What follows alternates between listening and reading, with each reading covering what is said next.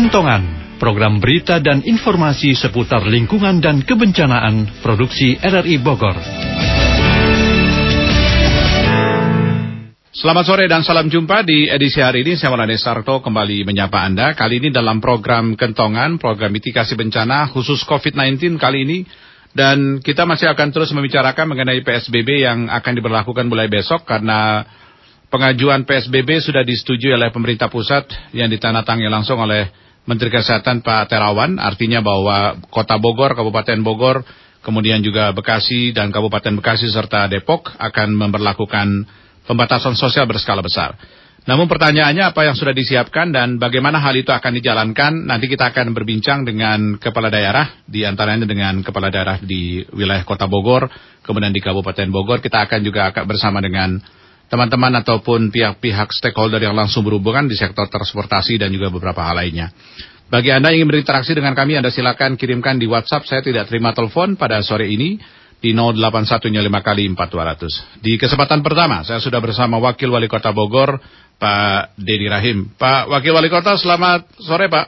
Selamat sore, Kang Maulana. Apa kabar? Apa kabar, Pak Dedi? Alhamdulillah, baik. Kabar baik. Masih masih sehat ya? tapi tapi lelah pastilah itu kan ya. karena harus menghadapi banyak ya. hal begitu ya. Betul betul. Artinya bahwa setelah uh, disetujui oleh pemerintah pusat pengajuan PSBB akan diberlakukan mulai saya ingin konfirmasi mulai besok ya Pak Pak Wakil Wali Kota. Ya. Besok itu jam 00 nanti malam ya. Oke, okay, artinya tanggal 15 April mhm. -huh. nanti malam. Artinya ketika PSBB diberlakukan per pukul 00 nanti malam maka hmm. konsekuensi apa saja yang muncul yang harus juga diikuti oleh masyarakat di wilayah Kota Bogor? Pertama tentu ada cantolan hukumnya dulu ya. Kemarin-kemarin sebetulnya sebelum diberlakukannya PSBB ini, hampir enam poin yang ada di dalam Permenkes itu semuanya sudah dilaksanakan oleh Kota Bogor. Hmm. Mulai dari pembatasan aktivitas belajar mengajar dari sekolah dipindahkan ke rumah, kemudian juga aktivitas perkantoran uh, ada pembatasan jam operasional ataupun misalnya penghentian operasional, kemudian juga pelarangan untuk memanfaatkan ruang-ruang publik dan lain termasuk yang terakhir itu yang paling tinggi adalah pelarangan untuk sementara pemanfaatan ruang rumah ibadah kemudian menggantikannya dengan peribadatan di rumah masing-masing. Hmm. Jadi seluruh rangkaian itu sudah kita laksanakan. Akan tetapi tentu untuk efektivitas kita memerlukan yang namanya cantolan hukum hmm. supaya kalau memang ada pelanggaran atau ada hal-hal yang memang tidak sesuai atau bertentangan dengan kondisi, maka itu bisa dikenakan uh, semacam hukuman lah ya. Mm-hmm. Itu dulu. Oke, okay. artinya bahwa 6 dari 8 poin yang sudah ditetapkan sebagai konsekuensi dari PSBB sebenarnya sudah di dijalankan sudah. dan ditegaskan lagi dengan adanya uh, cantolan ya. hukumnya yaitu PSBB ya. itu kan sebenarnya ya, gitu kan ya. PSBB ya, PSBB ini kan mengacu ke PP 21 tahun 2020 kan. Mm -hmm. Kemudian juga acuannya adalah Undang-Undang Nomor 6 Tahun 2018 tentang kekarantinaan kesehatan. Betul. Jadi misalnya ada sekumpulan massa uh, di atas lima orang itu ada ininya, ada sanksinya. Mm -hmm. Apakah sanksinya piring, apakah pidana, apakah denda, apakah nanti pembekuan izin atau pencabutan izin itu nanti kita atur sebagaimana kewenangan yang ada di masing-masing aparat penegak hukum maupun aparat pemerintah. Oke, saya ingin konfirmasi benarkah bahwa memang ada permintaan dari uh, Kota Bogor, Kabupaten Bogor, kemudian juga Bekasi, Kabupaten Bekasi dan juga Tangerang kabarnya itu untuk menyetop dulu operasional kereta komuter Jakarta. Ya, jadi gini, hitungannya kan begini. Pelaksanaan PSBB ini berbanding lurus dengan biaya sosial yang harus dikeluarkan. Hmm. Ya, Kota Bogor saja mengalokasikan 300 miliar ya untuk penanganan kesehatannya, penanganan jaring pengaman sosial, termasuk juga stimulan untuk perekonomiannya. Hmm. Nah, artinya kita bicara PSBB ini kan uh, dalam 14 hari ini kan ada KPI-nya, ada key performance indikatornya. Betul. Ada ada hal yang harus dicapai, ada hmm. targetnya ada output, ada outcome dan ada impact-nya.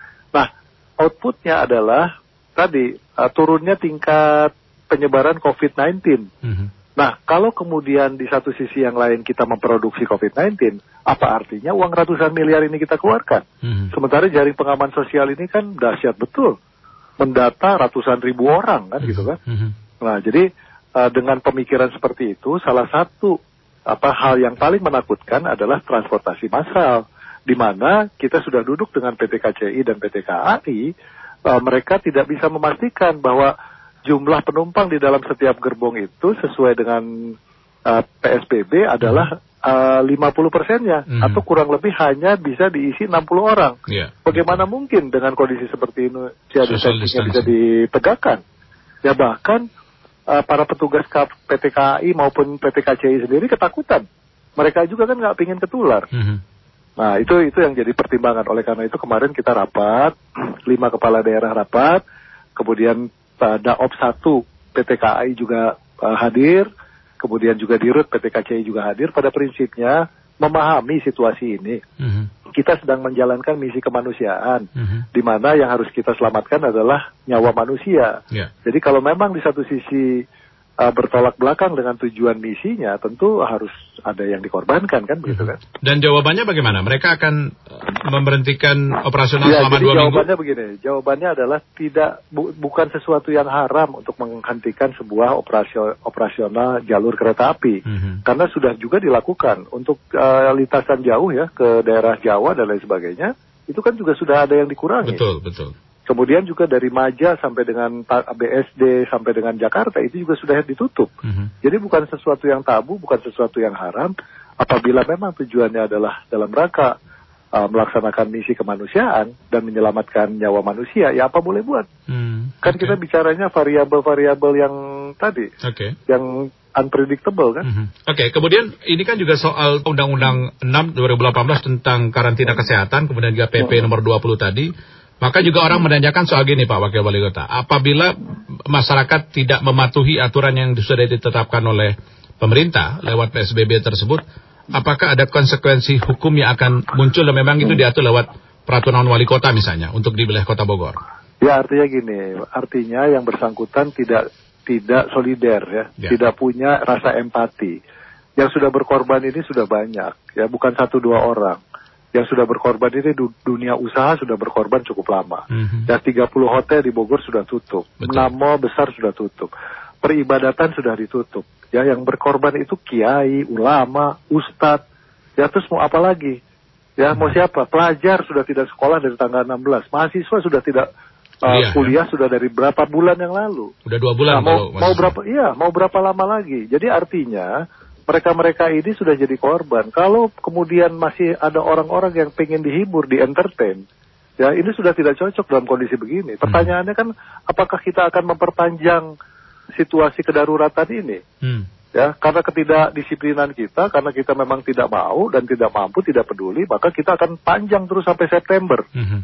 Nah, kalau sampai September, siapa yang menanggung biaya sosialnya? Oke. Pemerintah tidak ada, tidak ada pemasukan, bagaimana menanggung biaya sosial? Kalau Mhm. pemerintah pusat mungkin uh, dari surat utang negara atau dari pinjaman luar negeri masih memungkinkan. Dari obligasi untuk- masih bisa dilakukan, Iya, dari ya? obligasi bisa. Tetapi untuk kota, kabupaten, provinsi dari mana? Kalau bukan dari pendapatan pajak, Mhm. retribusi dan lain-lain. Artinya memang akan diatur soal soal sanksi tegas, Pak Wakil? Ya artinya begini, kami sih lebih mendorong ya, ada kesadaran lah ya. Hmm. Jadi para ustadz, para ulama kan pasti pengen juga masjidnya kembali Ya, uh, rame gitu ya. Rame lagi. Mhm. Nah, jangan gara-gara segelintir orang yang yang tadi saya bilang pengen dihibur ya, yang seolah-olah apa namanya selalu berdalih pendapatan harian, tetapi kemudian memperpanjang proses penanganan COVID yang kemudian merugikan kita semua. Ya Mhm. buat apa? Oke. Ya kan sekarang sekarang paling tidak kita punya target atau sasaran antaranya yaitu pada tanggal 24 Mei 2020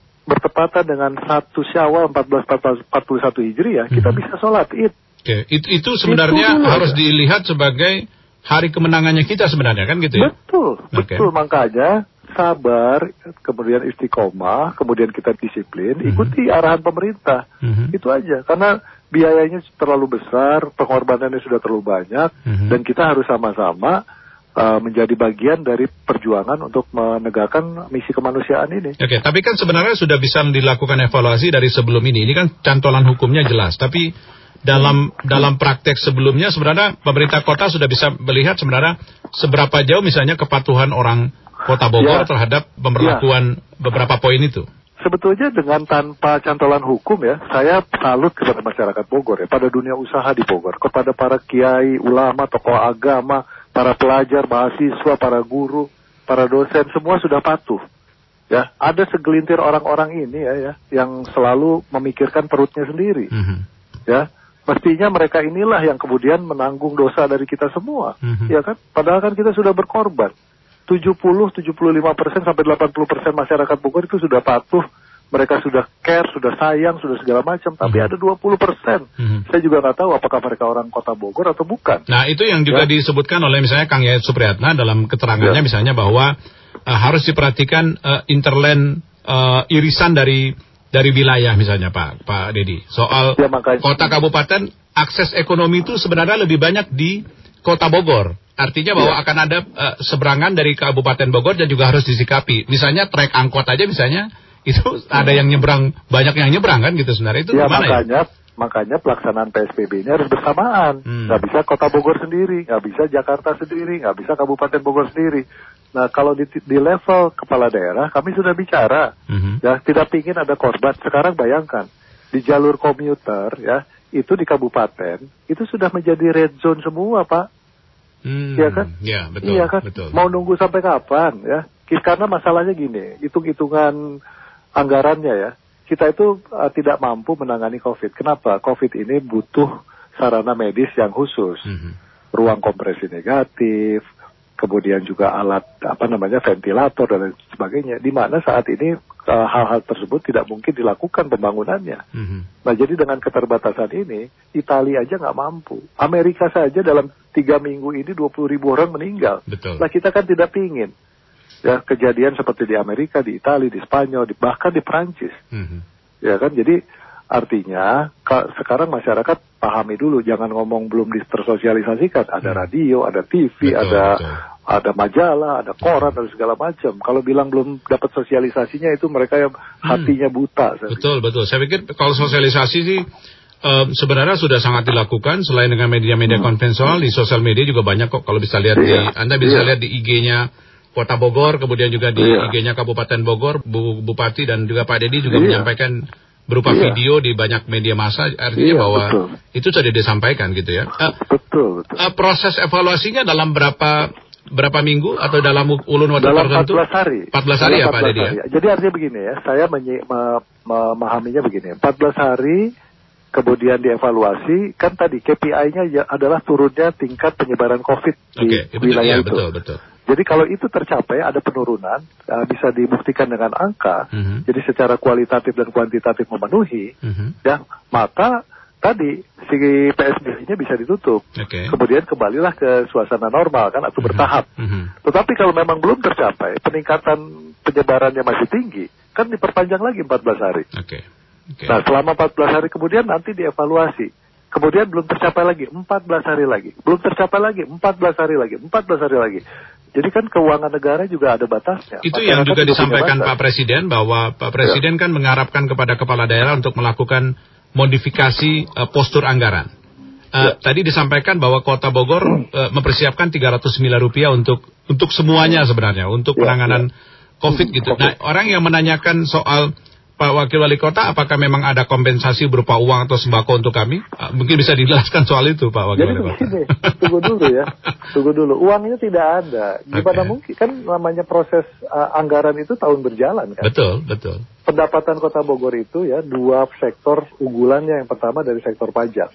Pajak apa saja? BPHTB, Mhm. ya transaksi properti. Pertanyaan saya, hari ini ada nggak jual beli properti? Aduh susah Pak. Tidak ada. Yang kedua PBB, ya ya, pajak bumi dan bangunan. Betul. Pajak bumi bangunan ini kita masih beri waktu sampai dengan bulan Juni. Mhm. Sekarang pendapatan masuk ke kas daerah paling 3% dari PBB. Kemudian yang sektor berikutnya dari sektor jasa. Jasa apa aja? Hmm. Hotel, restoran, kuliner. Hotel kita hanya mendapatkan PB1, eh, pajak hotel. Betul. Di situ juga kehilangan pajak restoran, kehilangan pajak parkir, Mhm. ya kan pajak hiburan hilang semua. Pertanyaannya, kita dapat duit dari mana? Ya nggak ada lah. Mhm. Ya kan, Oke. jadi jangan ber- jangan selalu berharap dengan kondisi ini bukan seperti kondisi perang. Ini dalam kondisi perang kalau buat Betul. pemerintah nggak ada duitnya. Betul, betul. Iya, jadi ini, jangan ini, ini poin yang harus dijelaskan karena Iya. di beberapa media massa lokal juga pengertiannya jadi agak berbeda, menganggap bahwa uang itu memang tersedia uang itu Tidak ada dan siap dibagikan. Itu yang Tidak. terlihat. Itu harus harus dipahami media massa juga karena Tidak nulisnya agak ada. berbeda. Iya, jadi kan gini, namanya namanya pemerintah kan bukan perusahaan swasta. Mhm. Ada laba ditahan, kemudian ada apa namanya eh, obligasi, ada segala macam. Kalau pemerintah daerah kan tidak bisa begitu. Iya, betul ya. Iya Betul, kan? ya. Ini kita uang kita sekarang adalah uang kita dapat hari ini kan? Betul. Dari mana? Dari perputaran ekonomi, dari retribusi. dari Masalahnya izin, ekonomi lagi nggak muter kan gitu masalahnya. Tadi saya bilang kan, Iya. kan tadi paling tinggi itu PBB dan BPHTB. Betul. Sekarang ka- kantor uh, agrarianya saja tutup. Mana ada transaksi properti? Jadi bi- bisa Ya. diulangi berapa jumlah penerimaan dari sektor itu 3% Pak ya? Bukan dari sekarang dari PBB baru baru tiga persen. Baru 3%. Itu kecil banget ya. Itu harus tahu di Kecil masyarakat. sekali. Jadi uang 300 miliar yang disampaikan oleh pemerintah kota sebenarnya Hmm. pengalokasian, tapi Pengalokasian. duitnya Uangnya belum kan ada masih- sebenarnya. Iya, Kan bahasanya gitu ya. begitu. Bahasanya begitu. Ini bahasa keuangan Iya. Jadi jangan Iya. teman-teman media juga jangan salah nulis. Jadi seakan-akan bahwa ini untuk ini 300 miliar uangnya udah ada. So Iya, pemerintah memang. pusat aja uangnya nggak ada sebenarnya 450 triliun. Iya, kan itu dari hutang. Yang Betul. nanti yang kemudian dibebani siapa ya kita lagi lah. Karena pemerintah Iya, pusat juga melakukan revisi penerimaan pajak dari 2.200 T menjadi 1.700 T. Karena uangnya Itu memang nggak ada. loh, 50 persen loh. Gila. That's it, betul. Itu Iya. kan uangnya memang nggak ada, itu masalahnya. Iya, kan betul. Dan Oke. ini dialami semua negara, bukan hanya Indonesia. Betul, Makanya, Bang, karena kita perangnya ini nggak ada yang berdarah-darah di jalanan, orang Hmm. anggapnya biasa aja. Betul. Iya kan? Iya. Padahal ini perang. Terbukti dari apa? Dari sisi ekonomi. Iya kan? Betul. Nah, untuk itu masyarakat Bogor, saya minta uh, apa perjuangannya diteruskan dari rumah, Hmm. belajar, bekerja dan beribadah dari rumah. Iya. Ya, betul. tujuannya apa? Untuk memenangkan peperangan ini. Betul. Supaya apa? Supaya tidak ada penularan lagi, tidak ada penambahan jumlah positif, agar situasi penanganan secara apa istilahnya medis itu Mhm. memang sesuai dengan kapasitas eh, apa namanya fasilitas medis yang kita punya, Itu. iya kan? Jadi fasilitas medis kita terbatas, hanya cu- cukup misalnya eh, 50 bed, Mhm. ya udah paling tidak kan yang sakit tuh 25, jangan 60 dong Iya dong. atau over dong. jangan 100 dong kan Iya. gitu kan. Oh, iya. Nah gimana caranya? Ya semuanya nahan diri, semuanya Oke. jangan sampai ter- ketular. Itu itu yang penting. tangan, Betul. ya kan, pakai masker, jangan ke mana-mana, kan gitu kan. Itu Jadi kuncinya. semua orang sudah berkorban hari ini. So bagi Hmm. kita yang eh, merasa belum berkorban dan merasa belum melakukan banyak hal ya sebenarnya diminta nggak banyak ya di rumah aja. Nggak Iya. usah aktivitas lakukan apa-apa. So misalnya Iya. beli ini beli itu juga sudah disediakan layanan online-nya. Saya pikir Iya. ada masalah sih Iya. sebenarnya kan gitu. Ya, ya yang penting kan tadi jangan terlalu lama. Kalau misalnya kita patuh, disiplin, sabar, artinya kan waktunya nggak lama-lama. Iya betul. Nah, tetapi kalau sebagian masih bandel, masih ngerasa perut dia sendiri yang harus kita pikirin, Hmm. lah ya perut yang tua renta tidak berdaya yang ada di rumah bagaimana? Betul betul. Iya kan? Kita mikirin yang di jalan-jalan aja terus. Mhm. Inilah, itulah, minta ini, minta itu. Sementara yang yang lebih menderita lebih banyak mereka ada di rumah loh. Iya kebanyakan Ya. minta sih. iya, kebiasaan minta gitu mentalitasnya Mental itu. minta sih saudara. Tadi kita ngobrol gitu. Tapi terima kasih banyak Pak Wakil Wali Kota sudah bersama kami. Mudah-mudahan bisa dimengerti ini. Jadi bagi anda yang belum merasa dapat sosialisasi ini sosialisasinya. Tapi itu sudah disampaikan berkali-kali. Intinya bahwa memang pemerintah kota mungkin juga kabupaten juga menginginkan bahwa kondisinya kita harus udah di rumah aja lah, nggak usah ke mana-mana. Cuma diminta itu aja karena memang dalam dua minggu akan dilakukan evaluasi. Begitu ya Pak Wakil Wali Kota ya. Oke, terima kasih banyak Pak Dedi sudah bersama kami Pak Dedi. Baik, eh, Pak Dedi Rahim Wakil Wali Kota Bogor di sore ini kita masih bicara tentang PSBB dan bagaimana perlakuan PSBB itu. Nanti kita akan kembali kita akan dengarkan dulu tentang statement dari Gubernur Jawa Barat Ridwan Kamil soal bantuan untuk warga terdampak dari COVID-19 ini. kepada mereka yang terdampak oleh COVID, kami kelompokkan ke dalam dua golongan. Golongan pertama adalah golongan yang terdata oleh pemerintah yang tersurvei namanya DTKS. Nah, yang DTKS ini mayoritas akan dibantu oleh APBN melalui kementerian-kementeriannya. Kemudian ada kelompok dua yang namanya non-DTKS, yaitu mereka-mereka yang rawan miskin baru, yang sebelumnya tidak masuk daftar bantuan. Nah, di non-DTKS ini, yang rawan miskin baru terbagi dua juga, yang berKTP lima wilayah dan perantau. Jadi kepada para perantau di wilayah lima ini, jangan khawatir, Anda tetap akan juga dibantu oleh pemerintah Jawa Barat dan pemerintah lima wilayah ini. Anda akan dipersamakan haknya, selama Anda memang berhak dan butuh bantuan, kami akan bantu. Jadi saya ulangi, hari ini RT RW sedang melakukan pendataan, maka DTKS yang ada datanya dibantu, yang tidak masuk juga dibantu walaupun berKTP atau tidak berKTP wilayah tersebut. Selama de facto memang bekerja ngekos atau bekerja di situ. Bantuan terhadap Bodebek ini pintunya ada tujuh. Pertama, mereka akan dibantu oleh PKH, ini yang sudah rutin. Kedua, mereka yang akan dibantu oleh kartu sembako atau pangan non tunai, ini sudah rutin. Ketiga, mereka akan dibantu oleh kartu prakerja untuk pengangguran dan yang kena PHK. Keempat, mereka akan dibantu oleh presiden lewat bansosnya 600 ribu kali 3 bulan. Kelima, kalau di kabupaten mereka akan dibantu pertama kali oleh dana desa. Sekitar 20 sampai 30 persen dana desa akan dipergunakan untuk membantu miskin baru karena COVID di desa. Yang keenam, baru dana sosial dari provinsi yang 500 ribu kali 4 bulan. Itu sudah siap. Dan yang ketujuh, kalau masih kurang, akan diberikan oleh dana sosial dari kota kabupaten di lima wilayah. Jadi para RT RW saya himbau untuk segera melakukan kajian ulang, mensurvei ulang, jangan sampai ada perantau karena alasan tidak berKTP di sana tidak dihitung sebagai yang dibantu. Selama ekonominya memang susah dan perlu bantuan, itu perlu kita bantu. Tidak boleh ada orang warga Indonesia yang kelaparan di tanah Jawa Barat, siapa pun itu insya Allah kami bantu. Bantuan itu datangnya bervariasi waktunya. Bantuan dari provinsi insya Allah di hari Rabu Kamis pada saat diberlakukan PSBB, bantuan sembako, logistik, dan tunai sudah bisa dikirimkan di daerah Bodebek. Menyusul seminggu kemudian menurut laporan bantuan dari pemerintah pusat. Kira-kira begitu, itu juga akan didistribusikan. Terakhir, dari sisi bantuan, Jawa Barat akan menghadirkan gerakan nasi bungkus. Atau disingkat gasibu ya gerakan nasi bungkus gasibu.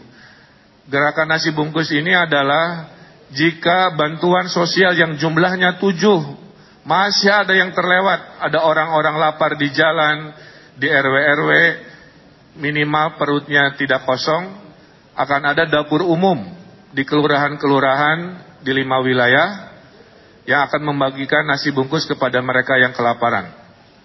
Kami mohon, di sinilah sila ketiga persatuan Indonesia kita harapkan, maka kepada mereka yang mampu menyumbang makanan atau nasinya atau apa, silahkan koordinasikan dengan RW masing-masing untuk membantu kesetiakawanan sosial kepada mereka yang mungkin tidak termasuk atau terlewat oleh bantuan formal dari pemerintah. Jadi Jawa Barat insya Allah dijamin tidak ada mereka yang berkesusahan yang tidak dibantu oleh bantuan pemerintah baik formal maupun non formal. Oleh karena itu kami sudah perintahkan semua RW di Jawa Barat khususnya di wilayah PS BB ini untuk mendeklarasikan sebagai RW siaga. RW siaga yang melaporkan mereka yang perlu dibantu, RW siaga yang melaporkan jika ada kedatangan tamu yang perlu diwaspadai, dan RW siaga yang mendata dengan seadil-adilnya data. Nah, terkait sanksi, perbedaan PSBB dengan sebelumnya sebenarnya hampir sama, bedanya dulu tidak ada sanksi. Dengan adanya PSBB, maka aparat hukum diberi kewenangan memberikan sanksi. Nah, sanksinya kami serahkan kepada wali kota dan bupati menyesuaikan dengan kebijakan diskresi dari wali kota bupati. RRI Radio Tanggap Bencana. Assalamualaikum warahmatullahi wabarakatuh. Saya Kolonel Armet Teguh Cahyadi, Komandan Kodim 0606 Kota Bogor, bersama RRI Radio Tanggap Bencana COVID-19 agar mengikuti anjuran pemerintah, yaitu rajin mencuci tangan, menjaga pola hidup sehat, konsumsi makanan yang sehat, hindari keramaian atau jaga jarak, hindari berkunjung ke wilayah lain atau pulang kampung, berolahraga untuk menjaga kesehatan. Mari kita berdoa kepada Tuhan Yang Maha Esa agar kita dapat menanggulangi COVID-19 ini sehingga kita dapat beraktivitas seperti sedia kala. Terima kasih. Wassalamualaikum warahmatullahi wabarakatuh. RRI Radio Tanggap Bencana. Anda masih bersama kami dalam program Kentongan di Radio Republik Indonesia Bogor, Radio Tangga Bencana COVID-19 di edisi hari ini. Kita masih bicara soal PSBB yang akan diberlakukan mulai besok terpatnya atau tepatnya di pukul 00 nanti dini hari. Jadi sudah dimulai PSBB dan aturan hukum yang sudah disetujui oleh Menteri Kesehatan sebagai penanggung jawab pusat dan itu sudah ditandatangani oleh Menteri Kesehatan Pak Terawan. Kita akan ingin tahu tadi Pak Wakil Wali Kota sudah menyampaikan beberapa konsekuensi hukum yang muncul, tetapi yang menarik disoroti juga adalah soal bagaimana implikasi sosial yang akan muncul dan bagaimana uh, kompensasi sosial yang akan diberikan oleh pemerintah Kota Bogor terkait dengan PSBB yang akan berlakukan mulai nanti pukul 00. Saya sudah bersama Kepala Dinas Sosial Kota Bogor, Ibu Anggreni Iswara. Bu Kepala Dinas, Bu Anggreni, selamat sore Bu. Selamat sore. Saya Maulana di RRI Bogor. Terima kasih sudah bersama saya di kesempatan sore ini. Banyak orang menanyakan begini, apa kompensasi sosial yang akan diberikan oleh pemerintah Kota Bogor ketika PSBB akan diberlakukan, khususnya dalam dua minggu pertama, ketika nanti akan dievaluasi kembali setelah dua minggu. Maka apa yang sudah disiapkan oleh stakeholder khususnya di uh, Dinas Sosial Kota Bogor, Bu Agreni? Oh baik, baik. Terima kasih Pak yang berkaitan dengan masalah persiapan untuk PSBB ya Pak, kami di Dinas Sosial itu mencoba untuk mendata Pak, uh-huh. mencoba untuk mendata warga miskin baru yang terdampak COVID-19. Jadi uh-huh. kita kalau membaca data itu dua hal ya Pak ya, yeah. ada dua macam data. Yang pertama adalah data berdasarkan DTKS, kemudian data non DTKS. Tetapi uh-huh. yang akan kita konsentrasi adalah terkait dengan masalah data yang non DTKS itu terkait dengan warga miskin baru yang terdampak COVID-19 ya Pak ya. Mm-hmm. Gitu. Jadi kami sudah berusaha untuk menghimpun data dari kelurahan Pak, dari wilayah, bahwa data mengenai warga miskin baru terdampak COVID itu kurang lebih ada 43 ribu sekian Pak ya. Mm-hmm. 43.531 kakak. Nah kemudian itu diusulkanlah ke gubernur, mm. ke gubernur untuk mendapatkan banprov.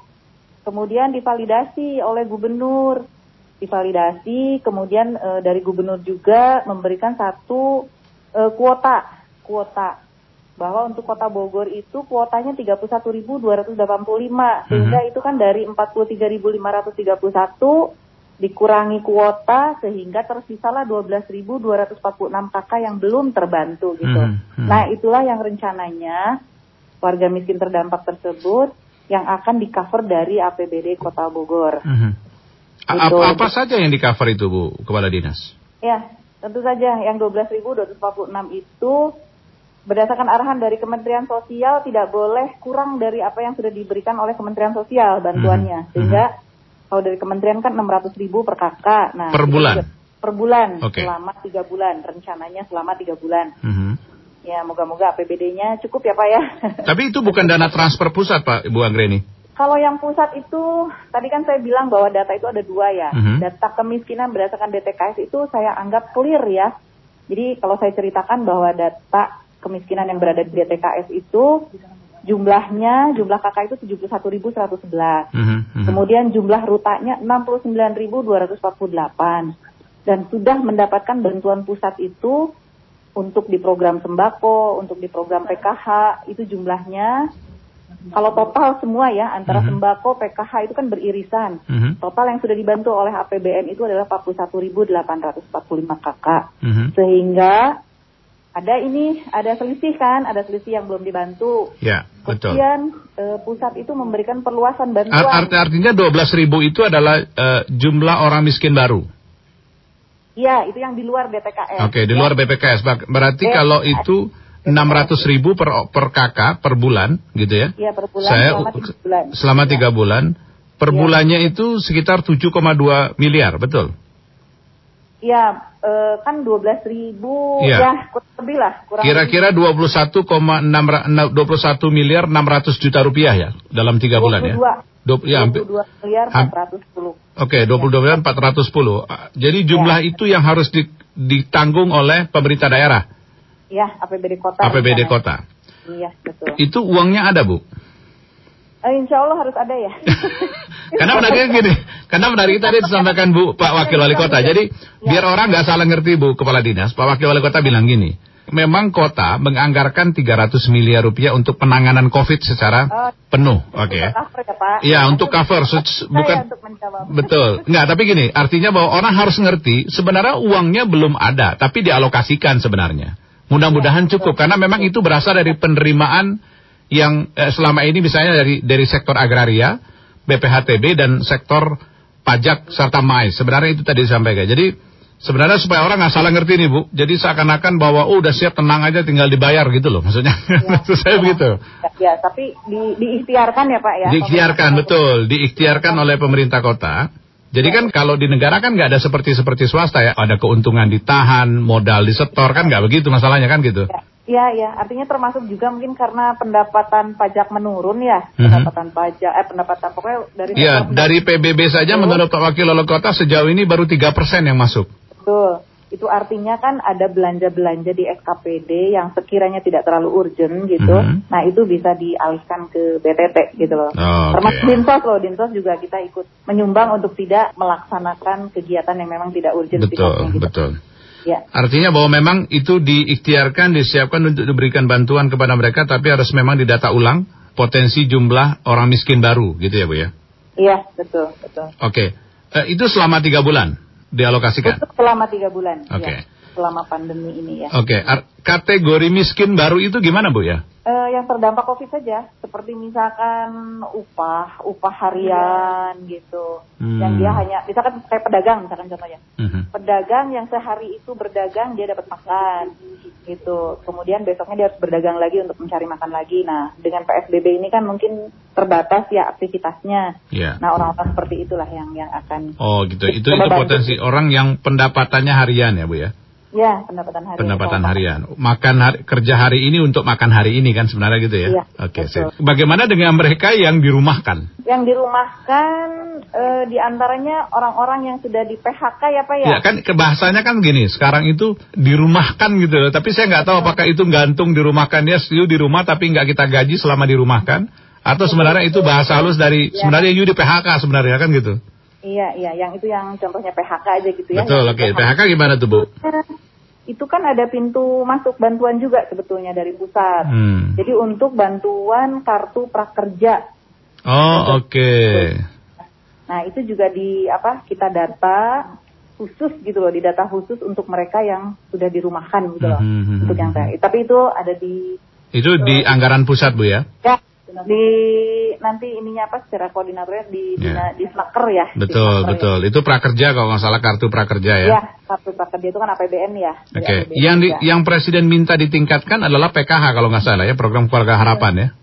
Eh, yang PKH itu yang perluasan itu tadi. Itu perluasan itu ya Bu ya. Ya, jadi dari pusat itu akan ada bantuan perluasan sebesar 30.010 30.010 Oke. kakak. Oke, baik. Ya, kemudian ada juga bantuan Jabodetabek khusus Bodetabek. Oh, itu ada juga ya? Jokowi. Iya. Ada. ya. Oh. Kompensasi ini diberikan bagaimana caranya, Bu ya? Uh, Artinya bahwa 600 uh, apa orang yang miskin baru tadi apakah akan diberikan kartu tertentu atau bagaimana caranya? Eh, ya dipilah-pilah ya Pak ya. Kan itu pintu masuknya banyak tuh. Iya, betul, betul. Ya, PBN pusat Arti, artinya kan kalau mereka yang sudah dalam program pusat jelas ada kartu prakerja kah, ada kartu miskin kah, apa kartu apa? Mereka yang miskin baru akan dapat apa? Aksesnya bagaimana? Eh, kalau misalkan dari APBD ya, kalau Hmm, APBD kota rencananya yang 600 ribu per kakak selama Iya. tiga bulan itu akan diberikan secara Siap. bantuan langsung tunai. Siap. Siap. Bantuan Oke. langsung tunai, mungkin teknis penyalurannya nanti kita bekerja sama dengan kantor pos ya. Hmm, Oke, pos, baik. ya. Baik, Bu Anggreni, mungkin ada yang ingin disampaikan, Bu, soal ini kepada masyarakat supaya masyarakat clear juga soal ini, soal kompensasi ini. Silakan, Bu. Oke, mungkin ada satu lagi yang ketinggalan Ya, ya. silakan Kita- disampaikan sekalian, Bu. eh, supaya bisa warga masyarakat juga bisa mengetahui terkait dengan masalah dapur umum. Jadi Dinsos itu akan membuka dapur umum rencananya. Hmm. Dapur umum kita akan menyediakan makan eh, 450 paket nasi, ya 450 bungkus per hari selama 30 hari. Itu Siapa per aja, Bu? 450 harus ambil ke mana? Di depan kantor Dinsos kita rencananya. Jadi kita Oh. akan sedia di sana, kemudian silahkan mengambil siapa yang pada hari itu membutuhkan Oh makan. gitu ya. Apa itu tidak beresiko menimbulkan kerumunan massa, Bu? Eh, nanti kita atur Siap. teknis ininya, ya. Oke. Kita atur. Hmm. Baik, ya mungkin 450 nasi box, ya gitu ya. Ya, ya, Per, per hari ya, per hari ya. Oke. Selama 30 hari. Selama 30 hari. Oke, baik. Iya. Ter- Terima kasih banyak Ibu Anggreni Suara sudah bersama Ya, kami. Sehat terus Bu ya, supaya bisa banyak karena Amin. pasti akan melayani masyarakat teman-teman di dinas sosial ini. Ya, amin, amin. Terima kasih banyak Ibu Kepala Dinas. Selamat pagi. Eh, selamat sore maksud saya, karena saya merasa pagi terus mungkin. Kepala Dinas Sosial eh, Kota Bogor Ibu Anggreni Suara sudah bersama kita. Jadi ada beberapa hal tadi 12.000 potensi orang miskin baru yang akan ditanggung APBD. Tapi sekali lagi jangan salah soal mekanismenya. Kemudian setiap hari akan ada eh, dapur umum ada 450 nasi untuk eh, satu hari selama 30 hari. Jadi tapi kami minta untuk Anda bergantian datang sana tidak boleh menimbulkan keramaian di tempat-tempat tertentu atau dapur umum itu. Baik, Anda masih bersama kami di kesempatan kali ini. Saya akan kembali nanti dengan Kepala Dinas Perhubungan Kota Bogor, Pak Eko Prabowo. Kami akan kembali dalam program Kentongan. RRI Radio Tangga Bencana COVID-19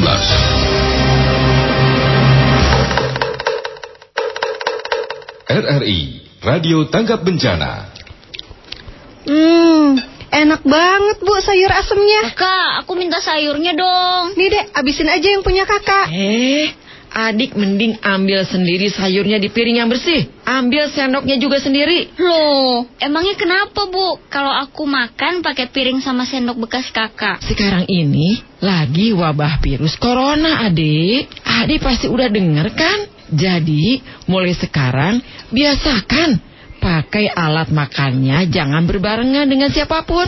Karena virus corona bisa ditularkan melalui air liur. Yang paling penting juga, jangan lupa harus selalu cuci tangan pakai sabun sebelum dan setelah makan ya sayang. Oh gitu. Terus ini sayur punya kakak gimana bu sisanya? Habiskan dong kak, makan yang banyak biar kakak sehat dan kuat. Adik juga ya. Hindari penggunaan alat makan secara bersama. Menjaga kebersihan alat makan dapat mencegah penyebaran virus corona. RRI Radio Tanggap Bencana Anda masih mendengarkan program Kentongan Radio Tanggap Bencana COVID-19 RRI di edisi hari ini. Setelah tadi kita bersama dengan Wakil Wali Kota Bogor Dedi Rahim dan Kepala Dinas Sosial Kota Bogor Anggreni Suara. Kita akan berbincang kali ini bersama Kepala Dinas Perhubungan Kota Bogor soal aturan transportasi dan dikabarkan akan ada sekat perbatasan Bogor terkait dengan pemberlakuan PSBB per jam 00 nanti malam. Untuk itu saya sudah bersama Kepala Dinas Perhubungan Kota Bogor Pak Eko Prabowo. Selamat sore Pak Eko. Selamat sore, Assalamualaikum warahmatullahi Waalaikumsalam. Saya Maulana di studio. Pak Eko, kita ingin langsung tanya Pak Eko, eh, konsekuensi apa yang muncul dari PSBB yang akan muncul nanti atau dimulai pukul 00 karena kabarnya akan ada sekat perbatasan di wilayah Bogor. Mungkin Anda bisa langsung sampaikan Pak. Jadi istilahnya bukan sekat ya. Mhm. Jadi kalau sekat kayak ngeri gitu lah, ditutup gitu ya.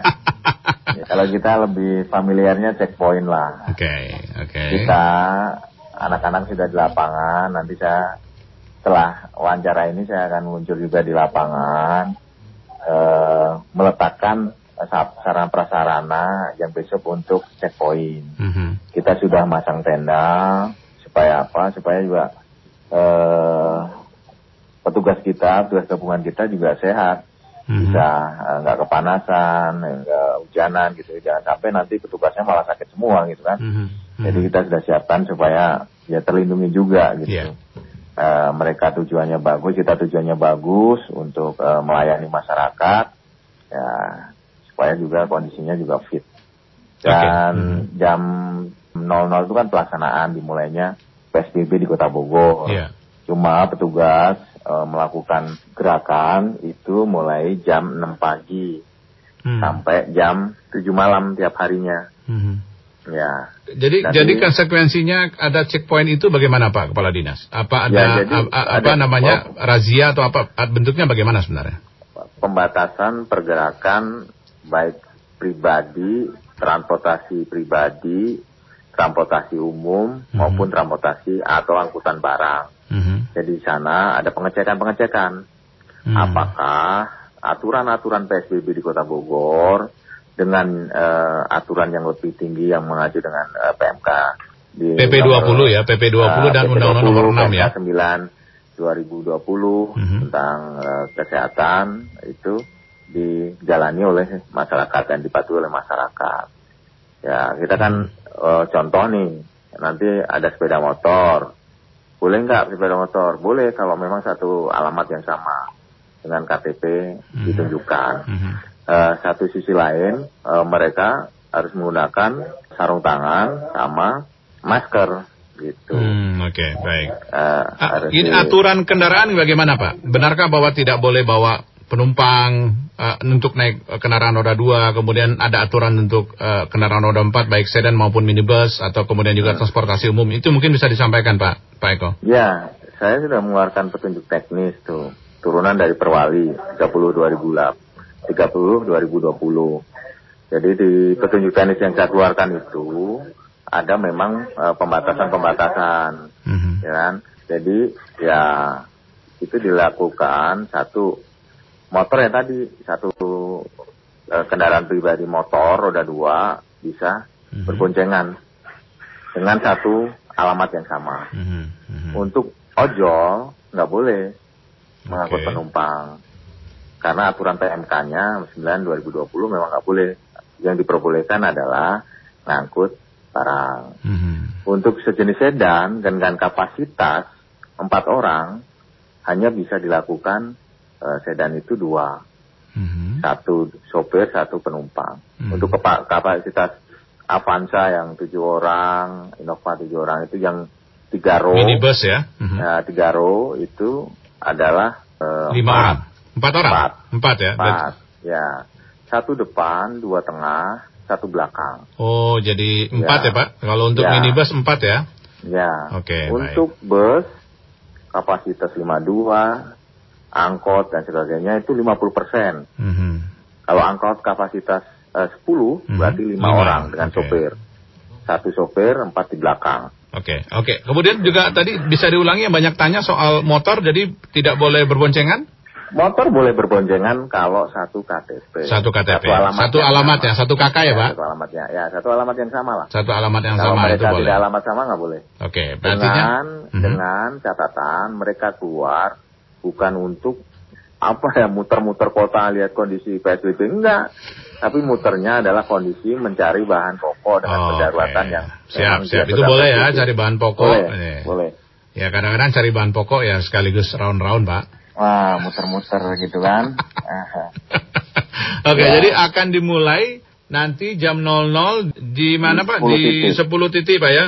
Ya, Istilahnya 10 titik. checkpoint ya? checkpoint kalau penyekatan bahasanya dari kemarin ya Ngeri, agak- ngeri. nggak masa uh cepat nih ya Iya. ya padahal penyekatan minimal ya kayak checkpoint gitu Oke, baik. tapi pengawasannya maksimal Oke, baik. Sip, sip. Oke, artinya itu yang harus diketahui masyarakat. Jadi mulai pukul Betul. 00 harus diikuti checkpoint ini di Ya. lewat tempat-tempat ini akan dicek oleh teman-teman di Ya. perhubungan. Kalau mau masuk di kota Bogor, mulai pukul 00 nanti atau jam 6 pagi kita melakukan tugas, Mhm. itu protokol tentang eh, COVID harus benar-benar dipatuhi oleh Siap. masyarakat. Siap. Ya, kalau ingin memasuki kota Bogor, Siap. kita bukan bukan apa namanya, oh tugas amat nih, enggak. Aturannya kan masyarakat juga kita kerja Hmm. Iya. kayak gini kan Oke. untuk masyarakat juga. Iya, oke. Saya oke, Ya. Pak Eko, jadi saya akan bacakan di Simpang Bubulak, Simpang Yasmin, Simpang RSUD Hmm. Kota Bogor, Simpang Tolbor, Simpang Pomat, kemudian Hmm. Simpang Gunung Batu, Simpang Empang, Simpang Baranang Siang, dan Hmm. Simpang Batu Tulis serta Simpang Ciawi, Pak ya. Itu Ya, wilayah-wilayah wilayah-wilayah Ya, yang akan menjadi checkpoint dari teman-teman di Ya. perhubungan. Oke, Ya. dan setiap hari akan beroperasi jam 6 hingga jam 19. Enggak. Ya. Siap. Baik Pak Eko, terima kasih banyak Pak sudah bersama kami di Sama-sama, kesempatan kali ini. sama-sama. Terima Ya, kasih banyak Pak Eko. Sukses untuk teman-teman Ya, supaya untuk sehat ya, semua. Pak yang beroperasi di Amin, lapangan. amin. Ya Rabbal Alamin. Terima kasih Amin. banyak Pak Eko. Prabowo. Demikian Kepala Dinas Perhubungan Pak Eko Prabowo dan sekaligus mengakhiri perjumpaan kita di kentongan kali ini. Kita akan segera menuju ke Pro 3 Jakarta untuk mengikuti siaran khusus tanggap bencana COVID-19 langsung disiarkan dari Jakarta. Demikian baru saja Anda ikuti Kentongan, program berita dan informasi seputar lingkungan dan kebencanaan, produksi RRI Bogor. RRI Radio Tangga Bencana COVID-19